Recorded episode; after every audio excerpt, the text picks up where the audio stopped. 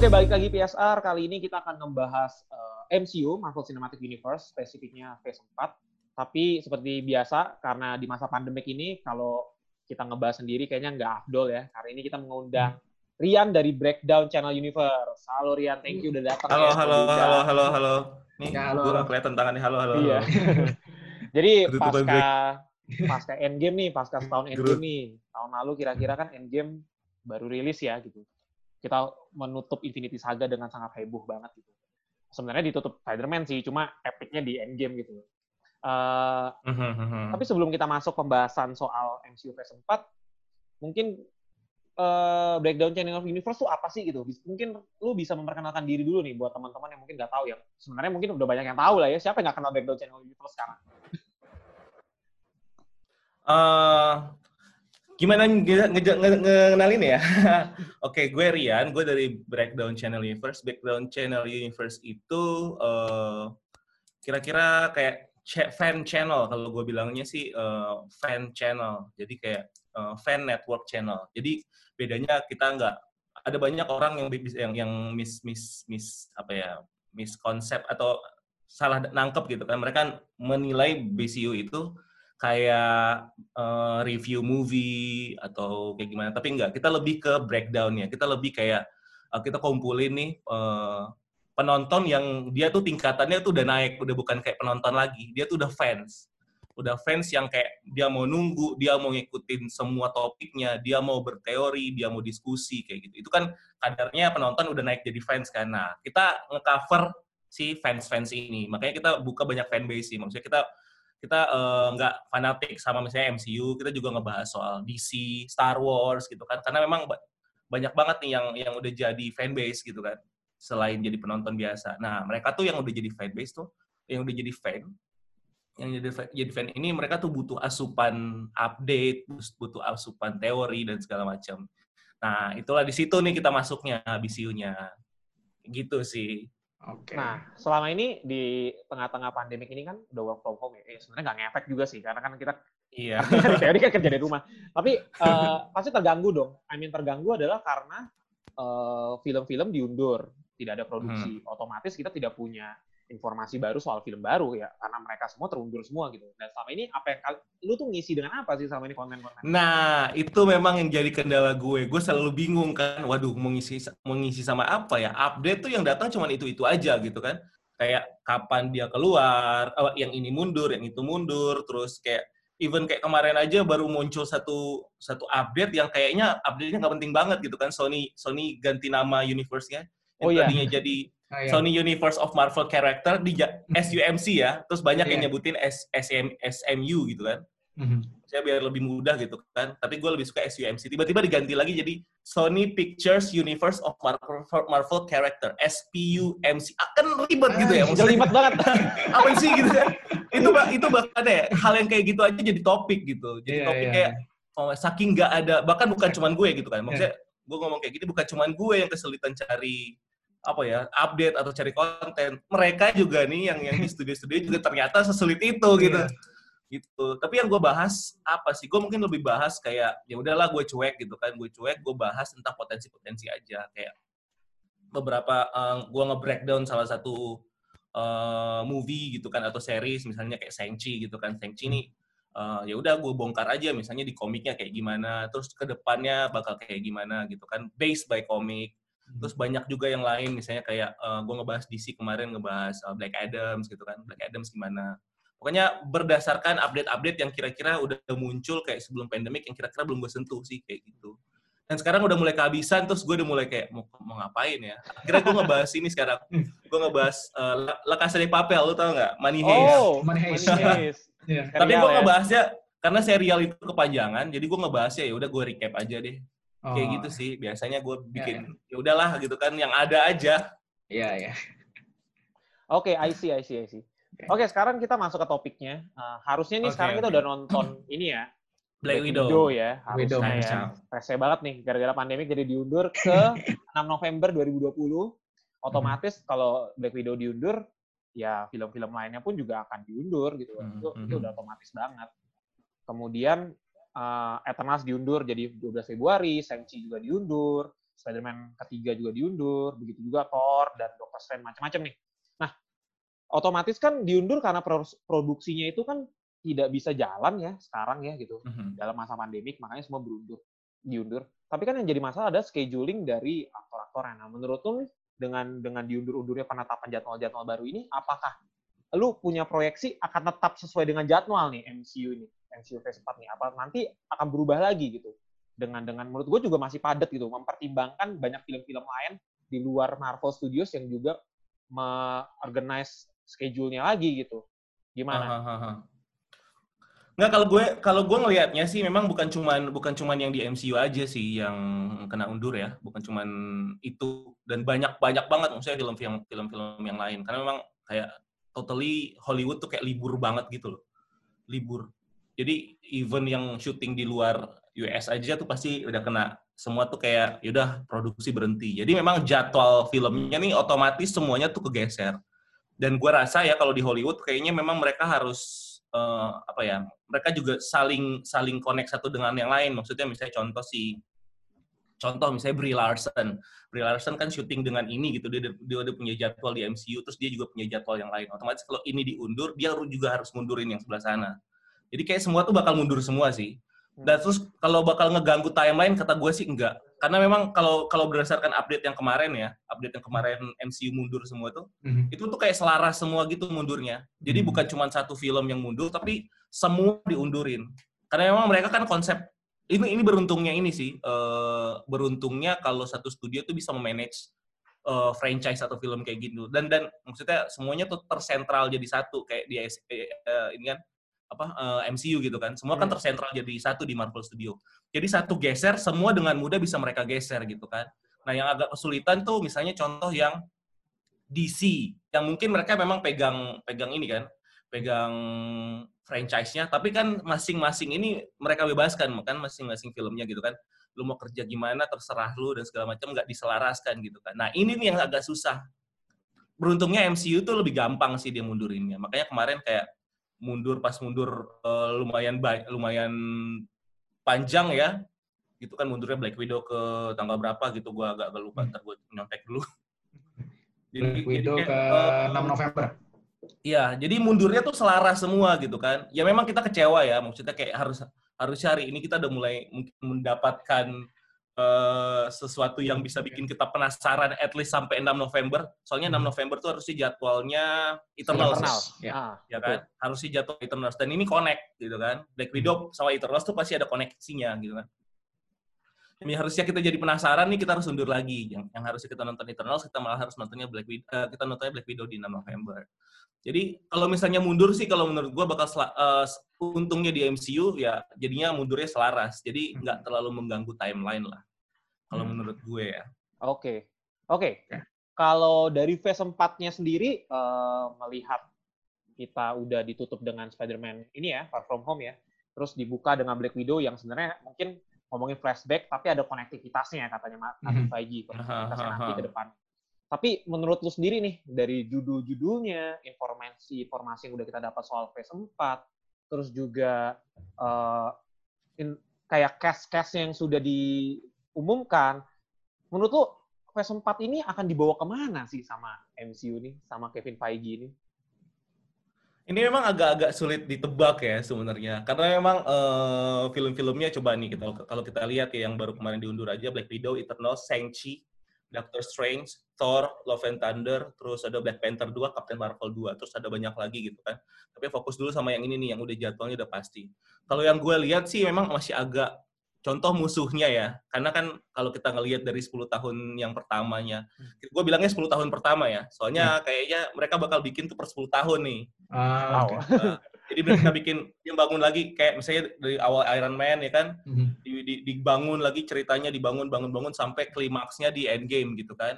Nah, ini mereka bakal bikin hal yang sama nih di 10 tahun berikutnya. Jadi memang karena nebaknya kayak ini ini semua tuh dimulai di uh, Black Widow. Nah, ini agak yang agak uh, agak-agak rancu juga sih. Kita tahu kan Black Widow ini kayak cuman sebenarnya itu kayak cuman film utang aja.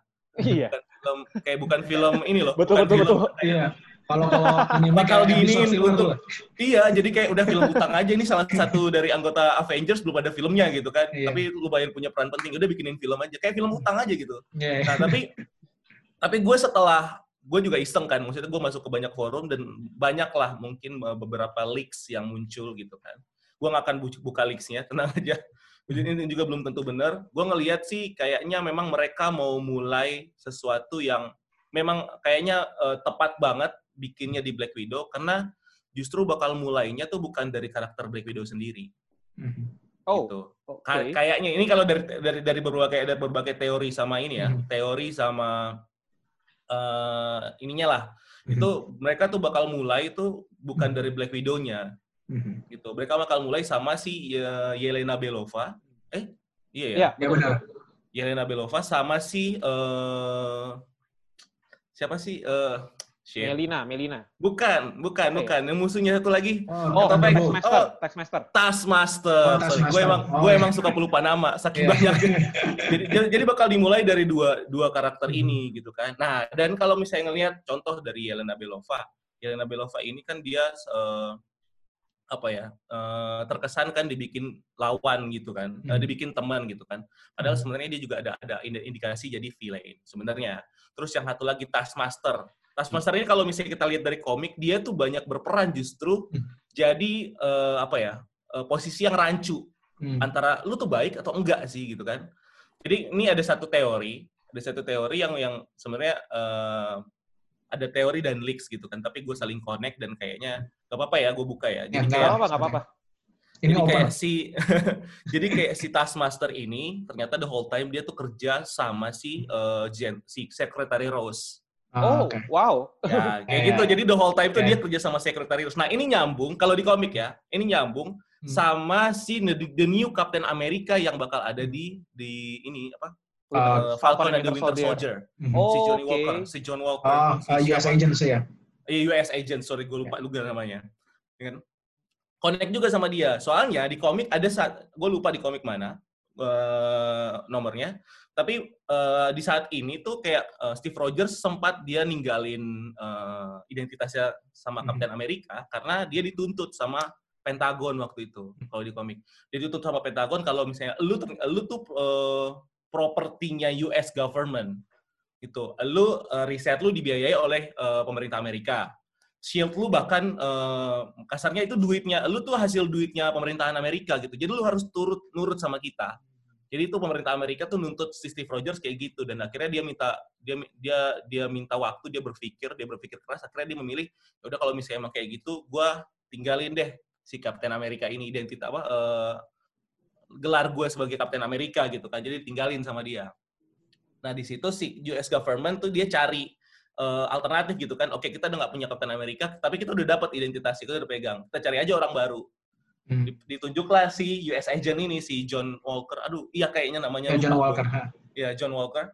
Ditunjuklah dia. Nah, cuman dia ini uh, mungkin beda ya, maksudnya uh, background backstory-nya atau kayak gimana. Hmm. Tapi uh, si John Walker ini dia dia ibarat kata cuman uh, soldier, terus dia disuntikan super soldier serum dan dia dilatih sama uh, Pentagon.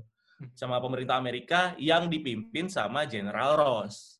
General Ross ini dia karena kenal sama Taskmaster, Taskmaster diangkat sama dia disuruh ngelatih si John Walker. Oh, karena kan dia nyambung, kan? gerakannya Captain America ya? Nah, kan nyambung kan ini kan kayak gitu. Yeah, yeah. Oh iya, kalau misalnya dari komik kita bisa ambil ini berarti di film kemungkinan juga dong ada ada ada sangkut pautnya. Pertama dari teori si Taskmaster ternyata kerja sama si uh, Secretary Ross di Black Widow. Terus ditambah lagi muncul Captain America baru di The Falcon and the Winter Soldier. Hmm. Jadi kayak oh ini kan komik related banget ya. Jadi yeah. kayak bisa dong diambil uh, ternyata si Taskmaster ini adalah orang yang bakal ngajarin si John Walker. Mm-hmm. Oh, dan jadi kayak gitu. Oh, dia ngambil referensi dari komik ini. Udah udah dong udah kebentuk. Jadi dari situ udah bisa ketahuan tuh satu line gitu kan, satu line yang yang kira-kira kecil. Tapi masih lagi-lagi masih belum ketahuan siapa nih yang bakal jadi musuh besarnya MCU secara keseluruhan oh. yang bakal dibangun 10 tahun. Iya sih, iya. Kayak gitu kan. Jadi masih yang masih masih minor-minor, masih belum tahu. Nah, Mungkin kalau itu terjawab ngeliat, di Eternal sekali ya. Nah, nah, Eternals nih beda lagi soal Eternals. Hmm. Banyak yang bilang uh, dari dari beberapa forum yang gue lihat, Eternals ini justru um, iya, dia pertama nge, uh, ngisi dulu nih beberapa uh, line kosong yang ada di 10 tahun hmm. pertama. Jadi ada beberapa tuh yang mungkin bisa lebih uh, yang yang kira-kira uh, dia bakal isi dulu nih peran-perannya. Ibarat kata kita nanya kan Eternals ini kan dia udah uh, ribuan jutaan tahun sebenarnya di, di bumi kan. Terus ke mana aja mereka gitu kan. Jadi mereka pertama tuh kayak mungkin di awal film bakal ngebahas tentang ke mana aja mereka. Kayak gitu, ke mana aja mereka gitu kan. Selama ini kenapa nggak pernah nongol gitu kan. Jadi posisi-posisi mereka tuh bakal reveal. Jadi kita bakal tahu, hmm. oh ternyata mereka di sini. Dan ternyata mereka selalu terlibat di setiap uh, kejadian-kejadian penting di MCU. Mm-hmm. Jadi mereka ngisi dulu nih yang yang yang di 10 tahun pertama nih, gitu kan. Mm-hmm. Oh, ternyata dia di sini. Kita bakal tahu keterlibatannya Eternals di film itu. Habis mm-hmm. itu kita bakal ngelihat potensi mereka bakal terlibat lebih dalam di uh, phase 4 ini. Karena uh, kalau gua kalau gua ngelihat lagi dari ceritanya, jadi mereka tuh sebenarnya tuh ngumpet dari dari komik Eternals yang gue baca, ah. mereka tuh ngumpet selama ini. Terus akhirnya ada satu titik mereka udah udah akhirnya mereka udah ngumpul semua dan mereka mau nge-reveal ya udahlah sekarang udah saatnya kita uh, ngebantu gitu. Kita ngelindungin bumi bareng sama Avengers. Jadi kayak gitu. Jadi pertama kita bakal ngelihat dulu ke mana, ke mana mereka selama ini. Hmm. Sama bakal baru baru dibuka bakal mereka keterlibatan mereka ke depannya mungkin salah satu atau dua kayak Cersei gabung ke Avengers atau kayak hmm. gimana gitu kan jadi kayak gitu Nah, di situ kan baru ketahuan nih, oh uh, anggota Avengers nih baru memulai nih dengan anggota baru, gitu kan. Hmm. Misalnya si ini, si ini, si itu, gitu kan. Salah satunya mungkin ada dua anggota dari The Eternals. Tapi kita jangan lupa juga kan ada si dua franchise yang pulang kan nih ke MCU dan dua hmm. franchise, eh sorry, dua dua kelompok um, superhero yang pulang ke MCU yang yang lumayan penting perannya dan kayaknya nggak bakal di, nggak bakal didiemin lama-lama yaitu hmm. Fantastic Four sama X-Men. X-Men ya. Sama ya. Mutant kan. Jadi ini ini ini juga ini juga mereka tuh sebenarnya kalau kata gue, mereka tuh udah masukin posisi mereka ini Mutant sama Fantastic Four itu di sela-sela film-film ini. Jadi kita nggak oh. bakal denger tuh kayak film solo Fantastic Four. Belum oh. sekarang. Hmm. Belum sekarang kan menurut gue. Tapi mereka bakal ngetis mereka bakal masukin. Okay, okay.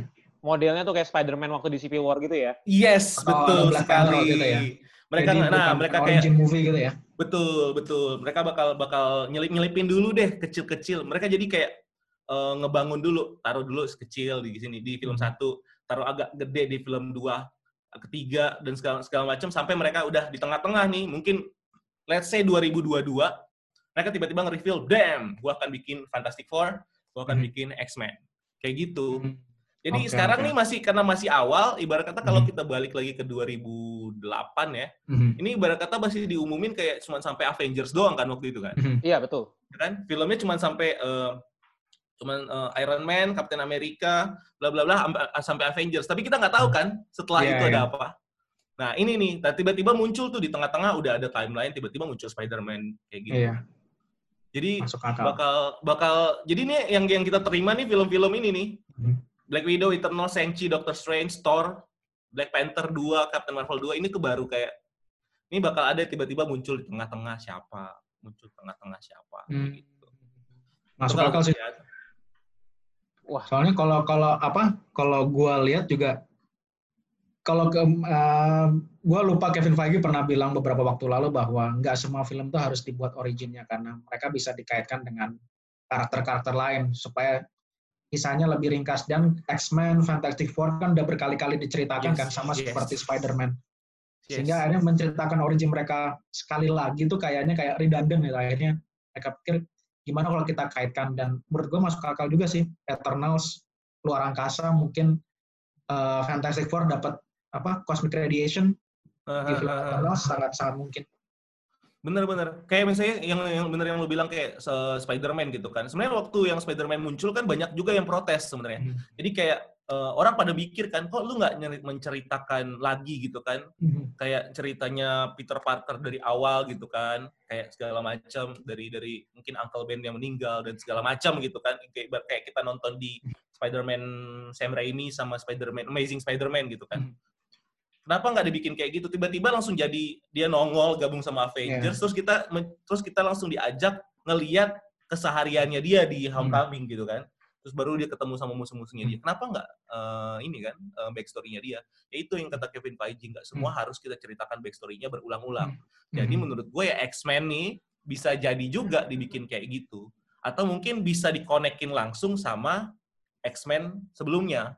Hmm. Bisa Wah, gitu kan. Dengan cara caranya ya. Iya, caranya contoh.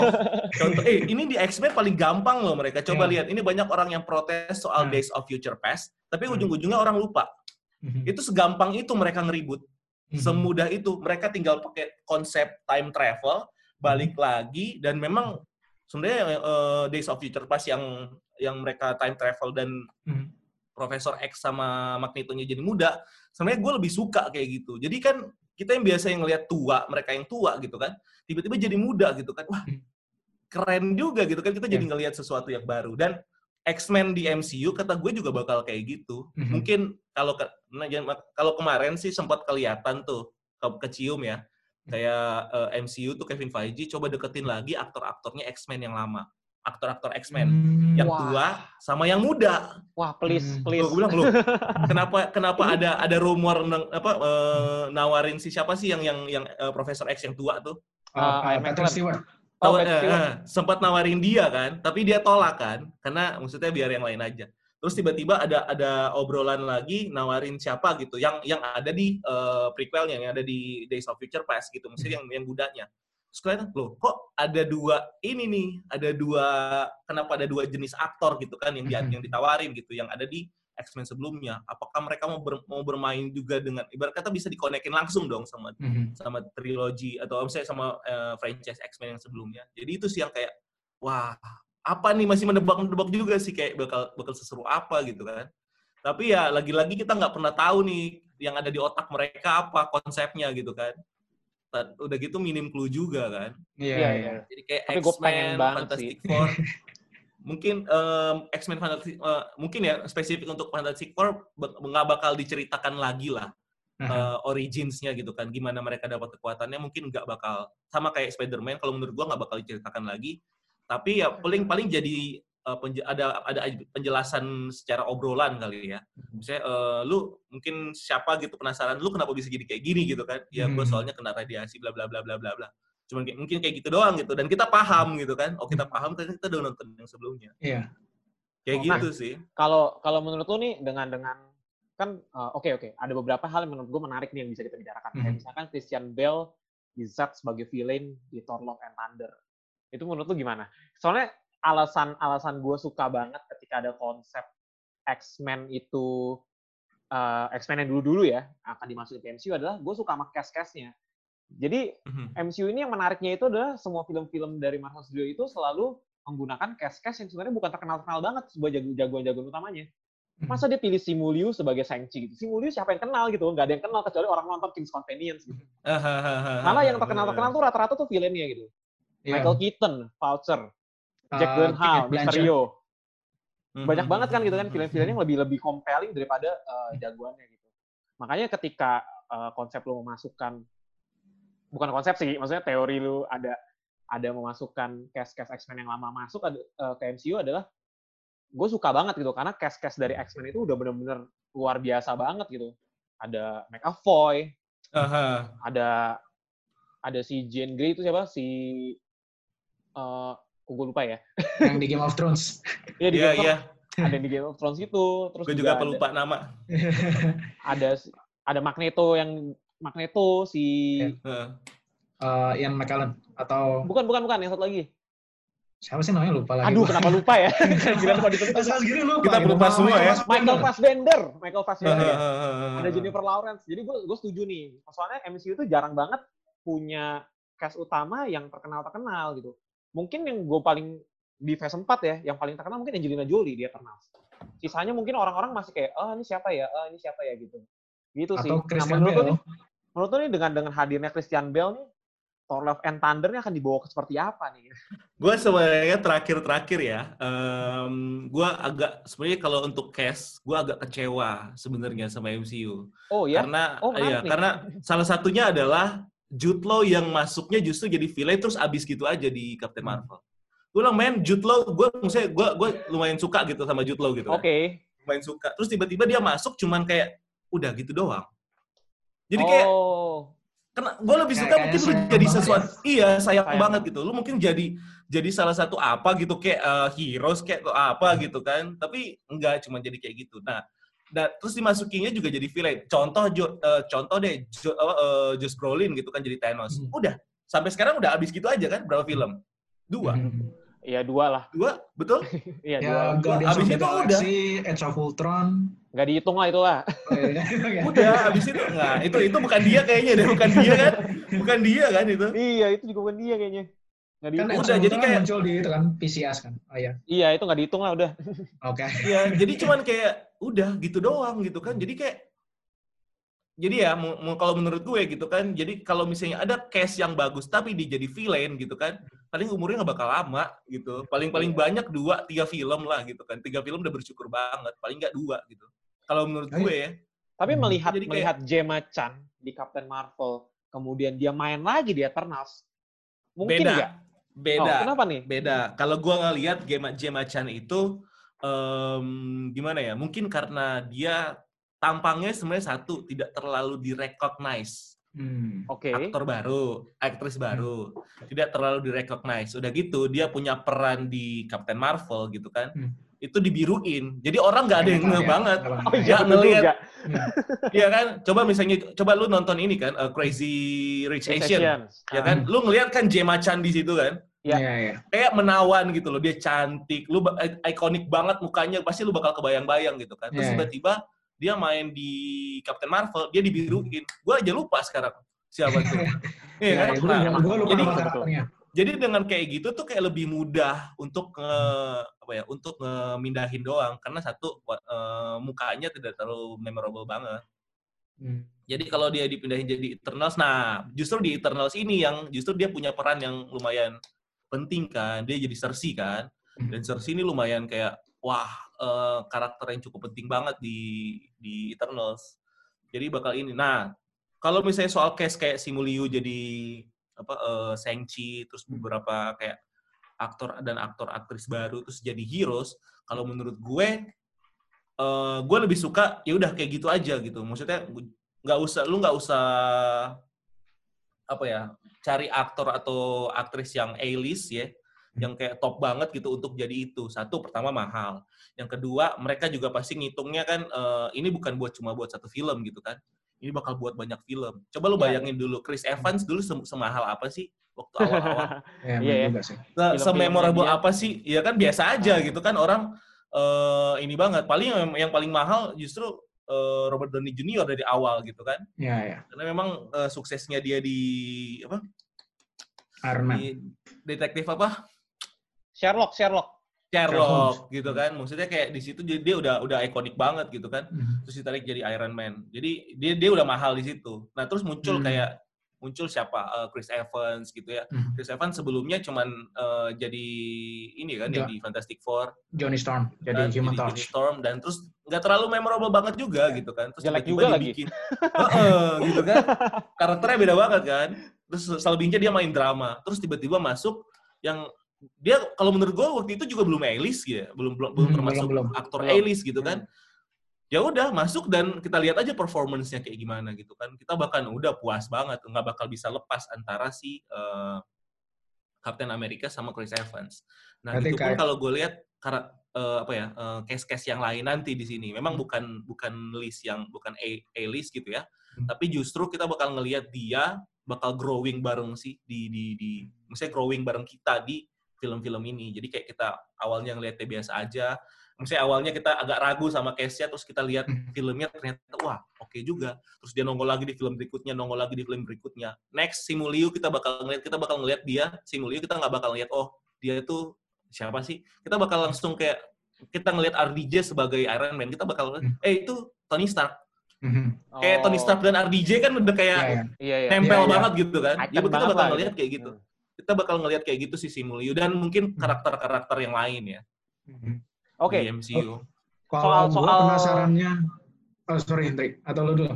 Ah, gue dulu deh. Uh, soal okay. Doctor Strange in the Multiverse of Madness nih, gimana katanya Loki akan connect Loki yang kita mengambil Loki yang di Endgame, yang di masa lalu, terus juga ada Scarlet Witch, terus juga itu nyambung juga ya dari WandaVision ya. Hmm. Terus uh, Doctor Strange akan punya punya apa ya mungkin ini salah satu salah satu film yang tie in ya dengan dengan karakter karakter sebelumnya uh, setahu gua Black Widow, Eternals dan Shang-Chi ini tidak dan mungkin Spider-Man, Spider-Man Homecoming 3 dan Thor Love and Thunder of course, siapa tahu ada Guardian of the Galaxy di sana. Tapi Doctor Strange ini yang menarik karena ada kata multiverse di sana. Menurut lu nih, teori lu nih, ini kalau udah ngomongin multiverse pasti liar banget nih. Coba apa? Hmm. Gue pengen denger nih, lu lu memproyeksikan apa nih yang terjadi di Doctor Strange 2 ini? Sebenarnya kalau um, multiverse-nya si Doctor Strange ini juga uh, terlalu gimana ya sebenarnya. Gue juga belum terlalu banyak ekspor. Tapi kita bisa ngebase dari uh, endgame juga. Sebenarnya endgame kita nggak bisa ngelupain endgame gitu kan. Ini juga bakal ini bukan sesuatu yang bakal mati terus mulai juga dari awal terus digeruin lagi. Ini bakal sambung juga sama endgame. Jadi yang ada di multiverse-nya si Doctor Strange ini ada sangkut pautnya sama endgame termasuk sama Loki. Gitu kan. Loki sudah buka ibarat kata Loki memperpanjang jalannya Endgame dengan dia ngebuka satu satu universe lagi hmm. yang bisa jadi yang yang jadi petualangan barunya dia gitu kan. Jadi kayak kita balik lagi ke Endgame gitu kan. Endgame setiap kesalahan yang dilakukan setiap apa ya? Uh, in, insinkronisasi lah hmm. yang dilakukan di, di film Endgame sama yang di Avengers 2012 itu menciptakan timeline baru kan. Hmm timeline baru, timeline baru, timeline baru, timeline baru gitu kan. Contoh dia dia dia udah ngambil uh, Tesseract, berarti ada satu timeline tercipta, Tesseractnya nggak ada, gitu kan. Uh, Thanos mati, ini ada satu timeline tercipta, Thanos mati. Nah, jadi ada timeline-timeline ini, itu jadi universe masing-masing kan tuh. Mm-hmm. Salah satunya yang diambil sama Loki. Pada saat mm-hmm. Loki dia kabur dengan Tesseract, ini dia menciptakan satu timeline baru. Mm-hmm. Baru dari situ, ini terjadi banyak banyak dan banyak hal yang bisa terjadi di universe, eh sorry, di timeline baru ini. Maksudnya contoh bisa ada heroes baru lahir, bisa ada efek yang lain gitu kan, bisa yang tadinya ada ibarat kata kalau simpelnya itu harus harusnya ada orang yang lahir di hari itu jadi nggak hmm. lahir gara-gara ya, teksturnya yeah, diambil sama ini. Jadi dia menciptakan dia menciptakan multiverse sendiri gitu kan. Hmm. Dia menciptakan multiverse sendiri dengan jalur cerita sendiri dan apa pun bisa terjadi di di, di lain ini. Hmm. Apa pun bisa terjadi. Nah, ditarik duluan deh sama si Loki. Gitu kan. Nah, karena Loki, timelinenya Loki sama timeline umum Avengers gitu kan uh, timeline utama Avengers ini dia beda, jadi mereka tuh butuh koneksi aja. Butuh hmm. connect. Gimana caranya gue mau nyambungin Loki balik lagi ke timeline ini. Hmm. Gitu kan. Sedangkan Loki nggak mungkin dia nggak dia nggak bisa pakai Tesseract untuk balik lagi ke timeline biasanya enggak. Fungsi Tesseract bukan itu. Hmm. Fungsi Tesseract tuh bukan untuk berpindah-pindah universe, dia cuma berpindah space doang kan. Mm -hmm. uh, ruang gitu kan. Mm -hmm. Jadi, gimana caranya Loki mau dibawa tarik lagi ke timeline utama? Mereka butuh satu movie lagi yang yang lebih liar lagi dibikinlah sih kalau menurut gue ya hmm. dibikinlah si uh, Doctor Strange and the Multiverse of Madness. Nah, hmm. satu. Terus ada lagi satu nih, bukan cuma Loki, ada satu lagi nih timeline yang bakal tercipta. Si uh, Scarlet Witch yang stress out sama kehilangan si uh, Vision. Vision, gitu kan. Jadi karena dia juga ada hubungannya gitu kan. Jadi dia nih kalau kalau yang gue baca teorinya itu kan pertama tuh dia akan meng, uh, di seriesnya si One Division ini dia akan kita akan ngelihat stress outnya dia. Makanya dibikin konsepnya tuh uh, apa sitcom. Hmm. Jadi kayak kita ngeliat sitcom gitu kan, sitcom. Iya, iya, iya. Um, maksudnya ada tau lah sitcom kan setiap ada kejadian, uh, setiap ada kejadian ada ketawa suara ketawa gitu yeah. kan yang kayak bareng-bareng kita. Jadi mereka bikin konsepnya kayak gitu karena kenapa? Kenapa mereka bikin sitcom? Karena itu tuh nggak real. Hmm. Pertama satu. Jadi mereka ibarat kata kita ngelihat aja kegila kegilaan si Scarlet Witch, hmm. dreamsnya dia punya anak sama Vision, dreamsnya dia bangun keluarga, gitu kan. Jadi yang kita lihat nih pertama itu apa ada yang apa yang ada di kepalanya si Scarlet Witch, uh, depresinya dia kehilangan Vision. Nah, tapi di satu titik gitu kan, di satu titik di satu episode mungkin ya, kita akan ngelihat ternyata selama ini yang yang ada di kepalanya dia ini tuh dia bisa bikin dia bisa bikin true atau mungkin uh, dia bisa bikin itu jadi nyata dengan kekuatannya dia atau mungkin dia bisa bikin dia dia, dia ternyata pada saat dia mengimajinasikan itu dia menciptakan universe baru. Oh, di mana dia okay. menciptakan universe baru, ada vision di sana dia dan Vision nikah dan ada Vision di sana mereka punya anak ada di universe baru sini connect lah sama si multiverse of madness untuk bikin dua universe-nya universe Scarlet Witch universe Loki untuk jadi satu hmm. dikonekin kalau menurut gue kayak gitu kan plus okay. tambah lagi di Doctor Strange bakal ada lagi multiverse yang lainnya hmm. yang yang yang yang yang mungkin ya mungkin ada ada musuh lagi di multiverse yang lainnya gitu kan jadi hmm. jadi ini ini tuh jadi kayak bakal yang tadinya mereka bergerak pisah kayak ini bakal tiba-tiba nyatu di Multiverse of Madness. Jadi tiba-tiba pelan mereka jatuh lagi di dalam satu timeline. Jadi nggak bakal bingung kita gitu kan. Hmm. Pada saat di, di film itu kita bakal lihat, oh sekarang mereka udah bareng lagi deh. Jadi dalam satu... okay. menurut tuh Multiverse of Madness nih Days of Future Past-nya MCU gitu ya? bisa dibilang kayak gitu, bisa. bisa dibilang kayak gitu. Bisa dibilang kayak gitu. Jadi mereka bakal menyatukan gitu loh. Jadi ada berdiri apa jalan sendiri, jalan sendiri hmm. terus satuin aja di dalam satu ini. Hmm, ketemu semua. Jadi kita bakal ya. enggak gitu kan. Ya. Jadi misalnya gini, kalau gue ngelihatnya kita bakal bingung. Kita hmm. bakal bingung di pada saat Loki rilis. Kita bakal ini adanya di mana sih? Ini adanya di mana sih? Dia bakal muncul nih. Ini, ini salah satu yang gue suka sama Marvel adalah mereka membiarkan para fansnya berteori liar. Mereka bikin ngambang aja setahun dua tahun itu cerita hmm. gitu kan. Mulai fansnya tuh mulai langsung bikin wah ini kayak gini, ini kayak gitu. Nah mereka akan bikin ini membingungkan hmm. timelinenya Loki. Udah jadi kita bakal bakal banyak kebahas dong. Oh hmm. Loki itu sebenarnya di, di sini loh timelinenya. Loki tuh di sini loh. Loki tuh begini loh di universe lain loh bakal banyak dan mereka nggak akan ngejelasin gamblang. Tahan aja kayak gitu Loki. Terus tiba-tiba muncul WandaVision di sini aja. Kita juga bakal berteori. Oh, WandaVision tuh di sini loh. Gini loh kayak gini. Bakal banyak pendapat lah. Baru mereka jawab itu di Multiverse of Madness. Oh ternyata di sini gitu loh, kejawab sama sama kayak yang kita kalau kita nonton Endgame gitu kan kayak hmm. kita dulu ter, berteori kan gimana caranya mereka bisa solving snap dari Thanos gitu kan kayak udah buntu aja gitu kan tiba-tiba hmm. ternyata uh, mereka pakai sistem uh, konsep time travel kayak gitu. Kalau menurut gue ya hmm. dan multiverse multiverse yang lain bakal bakal di bakal di bakal dimunculin juga di di mana di Multiverse of Madness salah satunya yang ada di uh, apa um, universe yang di Ant-Man tuh yang di oh, Quantum Realm. Quantum ya, Realm. Quantum Realm. Itu juga ada universe-nya sendiri kan.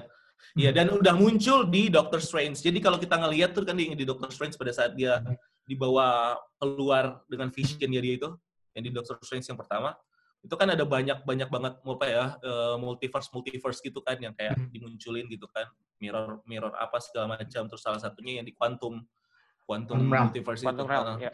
quantum realm itu salah satunya juga juga ditunjukin di situ kan jadi kayak konsep multiverse udah ditis di Doctor Strange bakal dibuka di Doctor Strange yang nanti gitu okay. sih oke okay, oke okay.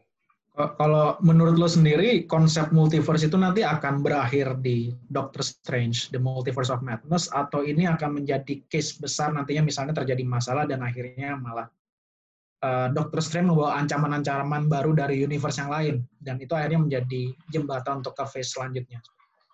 Bisa jadi kayak gitu. Ini memang agak pertama gini, uh, sebenarnya multiverse ini kalau mau dibawa panjang, ini bakal bikin bingung banyak hmm. fans sih kalau menurut gue misalnya contoh kan kita bakal berarti kita bakal ngelihat sekarang universe yang eksis misalnya kalau panjang ya di selama, hmm. selama 10 tahun kita hmm. akan ngelihat universe yang eksis itu udah banyak ada universe hmm. ini universe ini universe ini gitu kan yang bikin kita bakal jadi tambah bingung sih kalau misalnya menurut gue menurut gue ya tapi bisa aja mereka mereka bakal ngebawa ini terus-terusan di multiverse of madness gitu jadi bukan ditutup kayak gue bilang tadi ditemukan dalam satu timeline terus sudah jalan satu timeline enggak mereka mungkin bakal ngebagi lagi gitu kan dan kita juga masih hmm. belum tahu kayak gimana tapi kalau iya. menurut gue itu akan membingungkan kalau misalnya mereka bakal menceritakan multiverse ini secara hmm. masing-masing maksudnya kayak jalan beriringan gitu terus diceritain nanti di film ini letaknya di universe ini terus di hmm. film ini ya letaknya di universe yang berbeda itu bakal yeah. bikin kita tambah bingung sebenarnya jadi menurut kan. gue multiverse ini bakal mungkin jadi pintu kalau gue ngeliat ya bakal bakal kayak memperlihatkan sama kita multiverse itu ada tapi hmm. ditutup. Hmm. Kita fokus di satu timeline. Nah, oh, di Multiverse of Madness ini bisa jadi jawaban ke X-Men, bisa jadi jawaban ke Fantastic Four juga. Hmm. Bisa aja kan tiba-tiba ada ya, ya, multiverse-nya Loki, multiverse-nya hmm. iya, paling gampang maksudnya. Multiverse-nya Loki, multiverse-nya WandaVision, multiverse-nya X-Men, multiverse-nya hmm. Fantastic Four. Satu win deh. Kayak gitu. Masuk akal sih. Jadi uh, di satu sisi kayak Doctor Strange Multiverse of Madness jadi kayak semacam fan service ya di mana oh akhirnya gue bisa melihat film-film Marvel lainnya. Betul. akhirnya bisa Betul. masuk. Kayak Betul. model waktu itu DC bikin Crisis on Infinite Earths kan basically adalah fan service. Oh ada yang dari Batman. Betul. Nine, Smallville. Betul. Udah gitu sekarang ditambah lagi um, karena jadi jadi kalau yang gue lihat ya karena MCU udah mulai pakai konsep multiverse. Mereka jadi jadi ibarat kata pas pas mereka dealing sama Sony, mereka udah nggak ada udah nggak ada apa ya, udah nggak ada bonding, maksudnya udah nggak ada batasan-batasan lagi untuk kayak membiar apa membiarkan Sony bikin universe sendiri, ngerti nggak? Okay, Saya gini, okay. um, Sony kan um, mereka punya masalah tuh kemarin gitu kan soal Spider-Man. uh, pembagian dan segala macam. Terus akhirnya mereka banyak meeting dan, dan akhirnya ketemu kalau Spider-Man-nya Tom Holland bisa muncul di uh, di universe-nya Venom gitu kan, universe-nya mereka sendiri gitu kan. Yang ngebuka jadi yang yang bikin Spider-Man jadi satu-satunya heroes yang bisa pindah-pindah universe gitu kan. Nah, kenapa pertanyaannya kan kayak gini. Kenapa kalian sekarang MCU jadi jadi ngelembek gitu, jadi jadi melemah untuk memberikan apa ya karakter segit segampang itu, maksudnya kayak Uh, terus pakai konsep multiverse juga gitu kan ya karena itu karena hmm. mereka udah nggak terlalu ketat karena mereka udah pakai mereka udah membuka konsep multiverse jadi hmm. nanti universe-nya Sony itu ibarat kata kita bisa bilang nyambung sama MCU satu universe juga ibarat kata connect-nya ya mereka beda universe tapi bakal ketemu di di film ya mungkin di film Spider-Man mungkin juga di film Multiverse of Madness jadi bakal oh. ada dua timeline tapi dengan produksi yang berbeda ada sorry, bukan dua timeline dua universe kita akan ngelihat universe-nya MCU ada hmm. universe-nya SUMC, tapi connect kapan pun kayak mereka mau bikin fan service, contoh ya udah yuk kita bikin satu film uh, gabungin semua universe, jadi. Hmm. Tapi beda produksi. Hmm. Oh, pintar Tony, banget kan? dia ya. Gila money milking banget tuh. iya, ibaratnya kayak kayak jadi semacam solusi gitu ya. Kalau kalau menurut lu sendiri ya, uh, apa masih ada harapan nggak untuk Netflix karakter-karakter Netflix masuk ke Phase 4? Atau nah ini ini ini menarik banget nggak? Soalnya karakter Netflix itu kan mereka cuman uh, bukan jadi bukan karakter bukan lisensinya dibeli ya, cuma hmm. dipinjemin atau misalnya mereka hmm. kerja sama sama Netflix gitu kan. Hmm. Itu memang originsnya punya Marvel. Ibarat kata ada karakter yang memang uh, nggak difokuskan di cerita yang di MCU kemarin gitu kan daripada nggak kepake udah Netflix mau pakai udah pakai aja. Itu pun itu pun itu pun sebenarnya masih nyambung ke MCU kan karena di karena disebutin kayak Hulk, Hulk disebutin gitu kan, Green mhm. Guy dan segala macam. Jadi kayak orang mhm. masih bisa pikir kalau itu ada di MCU gitu kan. Mhm. Nah sekarang mau ditarik nih ceritanya, kan udah udah gagal. Itu kalau menurut gue itu gagalnya Netflix itu kemarin, itu sengaja itu dari pihaknya Sony atau Marvel. Sengaja oh. karena memang mereka mau tarik lagi nih, hmm. mau tarik lagi uh, masuk ke masuk ke MCU. Makanya tuh banyak yang nggak masih banyak yang nggak lanjut dan segala macam. Ini mereka mau tarik nih. Ini bakal kayak Daredevil, Luke Cage dan segala macam tuh bakal masuk di MCU movie atau di MCU series uh, di Disney Plus series nanti di uh, tapi tetap masih masih MCU gitu kan. Bakal kayak gitu. Ditambah lagi kan sekarang Kevin Feige udah bukan presiden Marvel Studios doang gitu kan. Dia iya. sekarang uh, chief creative uh, officer di Marvel keseluruhan which mean dia membawahi Marvel TV juga. Mhm. Jadi itu Marvel TV udah tinggal diambil sama dia, ditaruh. Udah sesimpel itu. Dan komik dan games juga. Betul, dan komik dan games juga. Jangan-jangan nanti multiverse tuh masuk ke bahas yang ada di game juga, Nri. Oh mungkin, iya. mungkin, mungkin, oh, mungkin. Iya. Everything, semuanya semuanya yeah. mungkin terjadi. Karena yeah. Iya. uh, konsep multiverse yang udah ada di cinematic itu kan, uh, ini kan, Spider-Verse kan. Uh. Into the Spider-Verse kan. Mereka gampang aja ngambil ini, ngambil itu, ngambil ini, ngambil itu, gabungin jadi satu gitu kan. Mm-hmm. Jadi bisa aja kejadian, bisa aja kejadian muncul kayak gitu. Oke oke oke. Yang ini gua ter oh sorry. Enggak, kayaknya kita harus udah udahin nih. Ini bakal panjang. bakal panjang banget. Ya.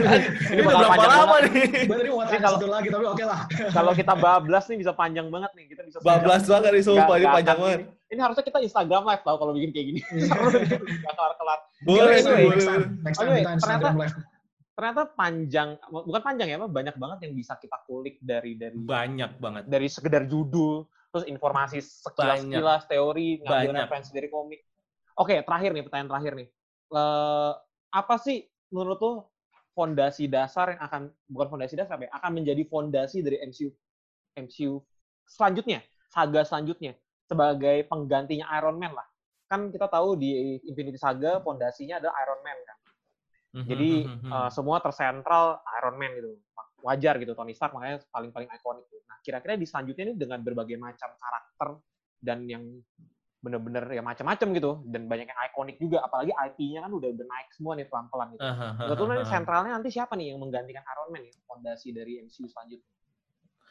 Uh, agak susah ditebak ya karena semuanya uh, heroes-nya baru, origins-nya maksudnya kayak uh, the origin 5 itu udah nggak ada lagi kan um, kayak Black Widow oke okay, udah mati gitu kan Chris Evans eh, si Captain America udah nggak ada gitu kan Iron Man udah nggak ada jadi mereka ini agak agak sulit menebak siapa yang bakal jadi the next Iron Man tapi kalau menurut gua mereka sebenarnya nggak butuh untuk untuk hmm. bikin the new Iron Man itu mereka nggak butuh Karena base-nya apa ya? Kalau lu bilang fondasi, fondasinya tuh sebenarnya udah kebentuk udah 10 tahun yang pertama.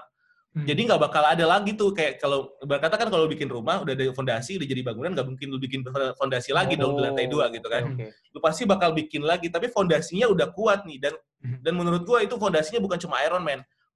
Phase yang sebelumnya 10 tahun pertama itu itu tuh fondasi yang itu itu yang tadinya lu pikir itu lo bangunan. No, itu adalah fondasi justru. Fondasinya tuh 10 tahun pertama. Nah, ini baru jadi dinding rumahnya nih kalau menurut gue. Jadi kayak dan dan itu bukan dan itu bukan cuma tersentral dari satu ini sih. Kita ngelihat kayak Captain Marvel, dia dapat saya kalau ibarat kata kita mau cari apa gitu, kita mau cari hmm. karakter apa yang yang yang yang di sayapnya kita, karakter yang penuh dengan teknologi dan segala macam gitu kan. Kita hmm. bisa ngelihat di uh, Black Panther.